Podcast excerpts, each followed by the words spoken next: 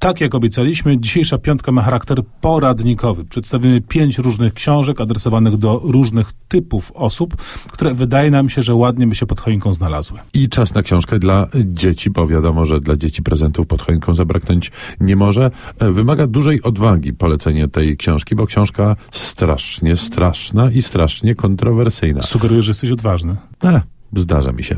E, horror, tak nazywa się ta pozycja. Została ona napisana przez Magdalenę Szeliga i narysowana przez Emilię Dziubak. Ja od rysunków może zacznę. Bo myśmy już o rysunkach Emilii Dziubak tutaj mówili w tonie, jak pamiętam, bardzo dobrym. Bardzo dobrym. Trudno mówić w jakimkolwiek innym e, tonie. Emilia Dziubak jest po prostu zachwycająca. No i w tym wypadku mamy do czynienia z albumem arcydzielnym, bo to album, to wielka książka, w takiej specjalnej kopercie ona jest usytuowana, czarna jak na horror przystało i Emilia Dziubak stworzyła malarskie portrety warzyw i owoców najróżniejszych, a Magdalena Szeliga bardzo szczegółowo opisała proces mordowania tychże przez ludzi. No i tak. To brzmi specyficznie świątecznie. Bardzo specyficznie świątecznie. Zresztą autorki, e, autorka pod koniec książki jest świadoma tego, że może się ta publikacja skończyć procesem ze strony rodziców.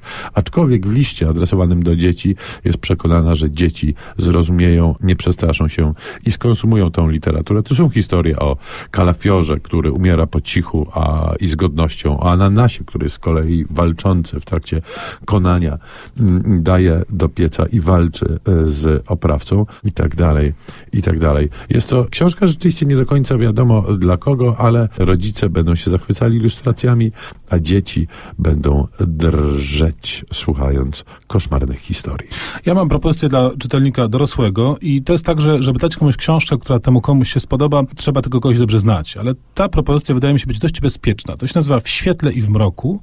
Jest to antologia opowiadań inspirowanych malarstwem Eduarda Hoppera. Który jest powszechnie lubiany. Powszechnie lubiany. Autorzy, którzy w tej antologii się pojawiają, są też powszechnie lubiani. Nie wszyscy, bo niektórych, przyznam szczerze, nie znałem. To jest stricte amerykański wybór, ale takie I nazwiska... różni, więc zawsze na kogoś można trafić. Tak, bardzo różni. Takie nazwiska jak Michael Connelly, jak e, Joyce Carol Oates, ale też na przykład Stephen King, czy Lee Child, czy Jeffrey Deaver, czyli mamy tu zarówno literaturę tak zwaną wysoką, jak i literaturę gatunkową. Są bardzo obecni. Ta książka ładnie wygląda, bo ma w sobie kolorowe reprodukcje obrazów m, Hoppera, ale teksty rzeczywiście są interesujące. One wszystkie nawiązują do danego obrazu i nawiązują w sposób ciekawy. Dla mnie mistrzostwem świata jest to, co zrobił Stephen King. No w sumie spodziewaliśmy, że Stephen King sobie poradzi, bo on naprawdę kreśli taką piękną historię, y, zaczynając od y, małego, prostego obrazka, na którym siedzi sobie para ludzi przy stole.